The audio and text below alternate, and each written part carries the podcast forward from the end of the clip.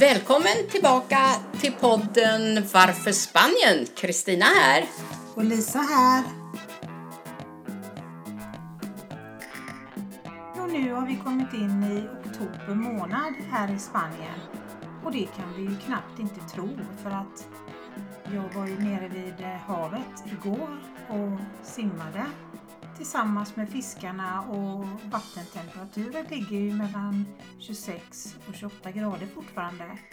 Vad säger du om det Kristina? Ja, det är ju underbart. Pooltemperaturen har ju samma temperatur kan jag säga. Men sen luften då, då. Där ligger vi också på en, jag tror vi ligger över 30, men för att inte vi ska överdriva lite så kan vi säga mellan 28 och 32-34 grader på dagarna. Är man i solen blir det ju naturligtvis varmare.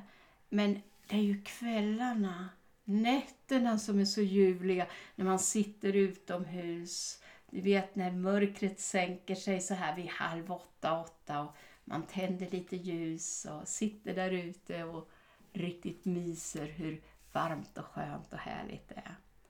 Ibland kan ju naturligtvis luftfuktigheten ställa till det och man känner sig väldigt svettig då och det rinner. Igår kväll var en sån kväll när luftfuktigheten uteblev. Ja, och igår var det någonting som man brukar kalla för tropisk natt. Och det var enormt varmt och luften var ju då torr såklart. Och det kändes lite som att luften bestod, bestod av mjuk sammet. Och jag gjorde så att jag tog en eh, lite senare promenad eh, när klockan var halv tio faktiskt.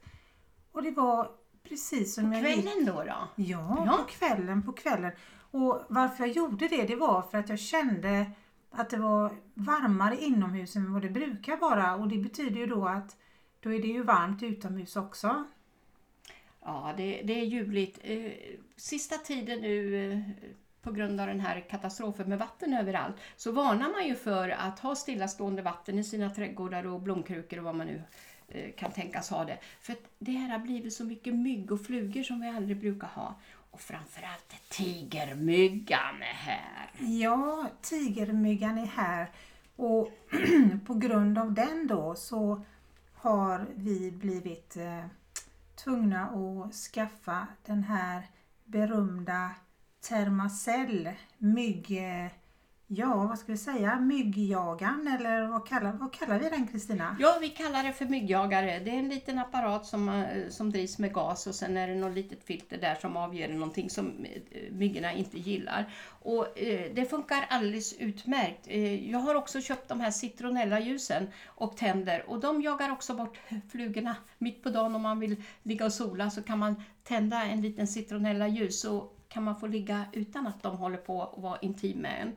Så eh, båda två är jättebra faktiskt att använda. Eh, tigermyggorna säger de bär på Zika-virus, denguefeber och sådana här saker. Men jag tror ju inte det så, för de där förflyttar sig inte så långt. De kan röra sig 180 meter och de har väl följt med från Asien där de kommer ifrån på olika sätt. Och sen tror jag de här är födda här, så jag tror inte att de är så där farliga faktiskt. Däremot har de ett annat beteende. De rör sig annorlunda och de är dagaktiva, inte på kvällarna och nätterna. Så att det är lite annorlunda och de rör sig, de brukar vara två stycken som brukar cirkulera runt varandra så här och sen bara attackera dem utan att man fattar att De är svårfångade också. Ja, de är väldigt, väldigt snabba. Men jag har ett eh, litet trix som jag tror väldigt mycket på och som fungerar bra för mig och det är ju detta med att eh, äta mat. Och då pratar jag inte om vilken mat som helst utan då pratar jag om det här man eh, kallar och som heter antiinflammatorisk kost. Där får du berätta för mig, för du vet jag och mat, jag äter det jag gillar och det är mycket sånt som jag tror inte du tycker är bra. Det ska jag gärna berätta om. Bra. Och det jag vill prata om speciellt det är ju detta med eh, gurkmejan eh, som eh, ser till att blodet blir inte så eh, intressant för myggorna när man äter Ah gurkmeja. Och här i Spanien har vi ju en fantastisk färsk gurkmeja som vi köper i mataffären. Det är ju de här små rötterna som är väldigt orangea färgen och de är ju sprängfyllda med antioxidanter och eh, fungerar eh, helt enkelt som en eh, avväpning för, för myggor, tycker jag. Ja, det heter kurkuma på, på spanska vad jag förstår. Och jag har kurkuma hemma i trädgården. Just det. Vackra sådana här rosa-lila blommor är det på den. Ja, men det där var ju, är ju spännande. Då kanske vi får anledning att komma tillbaka fler gånger och så får vi höra hur eh, Kristinas egenodlade gurkmeja smakar framöver. Ja, vi kan ju i alla fall ta ett kort på blomman för den är ju väldigt vacker. Ja, absolut. Och sen, sen kan jag också tillägga att även ingefäran är ju väldigt eh, antiinflammatorisk och håller Absolut. både virus och bakterier och inflammationer borta. Och det kan jag ju hålla med om att jag har väl aldrig varit friskare. Det är nämligen så här, jag dricker ingefärste varje morgon. Då tar man en färsk in- ingefärsrot och så rensar man den lite grann och så skär man i skivor och häller man på varmt vatten och sen brukar jag spetsa den lite grann med honung. Och det tycker jag är så gott. Så det dricker jag varje morgon innan jag äter frukosten. Ja, och då skulle jag vilja påstå att vi håller oss dubbelt så friska. Ja, och inte bara det. Vi har ju börjat träna vår kropp för att vi ska vara starka, förhindra att vi får några skador på våra leder och muskler och sånt här. Ja, men precis. Och det är ju detta med träning som jag tror de flesta känner till och som även forskningen visar att eh, ju mer vi tränar desto mer energi och desto friskare blir vi. Eller hur Kristina? Jo, men jag håller med. Jag kan ju säga att jag har ju haft eh, lite problem med ryggen och höften och knä och sånt där och jag har gått på behandlingar och sånt här. Och, eh, men sen var det ju faktiskt en väninna till mig, hon har såna här tibetanska skålar. Och det, det blir ju olika vibrationer med olika storlekar och, och så hur man gör. Och hon la de här på mig och masserade mig. Jag blev bra på en gång. Jag Fantastiskt. trodde inte det. Och det här är, det här är säkert tre, fyra månader sedan. Har inte haft ett enda problem sedan dess. Och det här, om någon hade sagt det här till mig för 15-20 år sedan, hade jag skrattat. Vilka jäkla ockulta människor har jag tyckt. Men alltså det har hjälpt mig. Och nu känner jag, då var jag redo för att börja med den här träningen för nu har jag inga problem. Och jag har stärkt mig jättemycket, jag orkar mer, jag har inga problem med någonting nu. Ja, det är ju lysande Kristina. Så att eh, mer motion åt folket och mer träning åt folket. Och ju mer vi tränar desto friskare känner vi oss och desto starkare blir vi ju. Eller hur? Visst känner vi till detta men varför är det så svårt att få till det ibland då? Ja, det kan man säga, men jag tänkte lägga till en sak. Man sover mycket bättre också. Och det är ju bra att sova bra. Då är man utvilad och då blir man starkare av det. Ja, vad, vad, vad var det frågan nu då? Ja, jag tänker så här att vi vet ju alla att vi behöver motionera och träna. Men ibland blir det ju inte alltid som vi har tänkt oss. Och vad kommer det sig då? Ja, ibland brukar man ju säga så här, ja men man vill ju mycket mer än vad man tar sig för. Och eh, det är den där viljan som man måste jobba med och ibland kanske man behöver hjälp av någon annan att pusha på en va? för att gå dit. När man väl är på eh, träningstillfälle, då är det ingen återväg. Då kan man ju inte sticka därifrån när man börjar svettas lite grann och tycker att lite jobbigt va. Utan det är den där, man måste ibland ha någon som pushar. Ah, skit i det, gå dit. Du ger en timme, två dagar i veckan, det blir kanon. Och sen är det ju det här. Det här är ju precis som IKEA brukar säga om sina möbler. Färskvara. Exakt. Och sen kan jag ju säga som, eh, som utbildad professionell coach så kan jag ju säga det att ett ord som jag använder väldigt mycket med mig själv det är ju just, just do it. Ja. Och det betyder ju som de flesta vet, bara gör det. För att om vi ska tänka, eller om jag ska tänka och fundera så tar ju det mycket tid. Och det är ju faktiskt så här att bara gör. Bara gör och bara gör och bara gör det så blir träningen av. Och, och jag tänker, alltså när jag kommer dit på träningen, jag vet att det kommer, jag kommer att svettas, jag kommer att bli helt slut under träningen, för att inte prata om efter träningen. Men då står jag där, förstår nu och räknar minuter. Nu har jag kört, eh, till exempel vi ska ha crosstrainer i början. Då ska jag hålla på med den sex minuter. Då står jag en minut, en sjättedel, två minuter, en tredjedel, nu tre minuter, nu hälften. Så där står jag och säger, åh, oh, jag orkar, jag kan. Och jag peppar mig själv för att orka och jag, jag är tokig. Jag räknar alltid i minuter. Jag hoppas att det inte är fler som är lika lustiga som jag. Men jag räknar i minuter alltihopa jag gör. Ja. minskar hela ja, tiden. men det är ju ditt sätt att motivera dig själv och det är ju precis det här vi behöver hitta hos oss själva. Vad är det som motiverar oss och vad eh, kan, kan hjälpa för att motivera oss?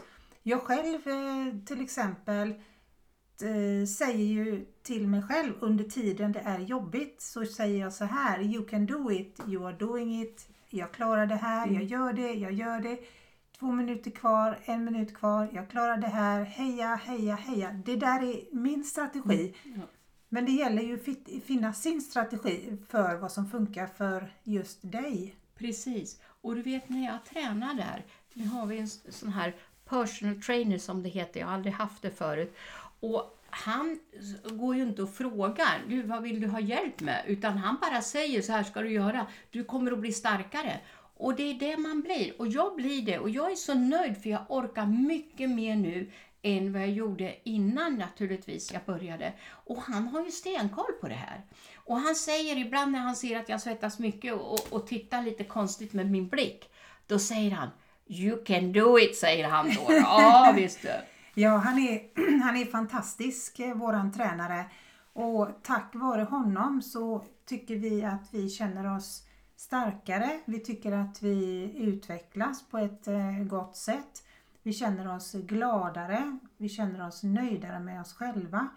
Och det betyder ju också att vi kan välja lite bättre alternativ eh, i matväg.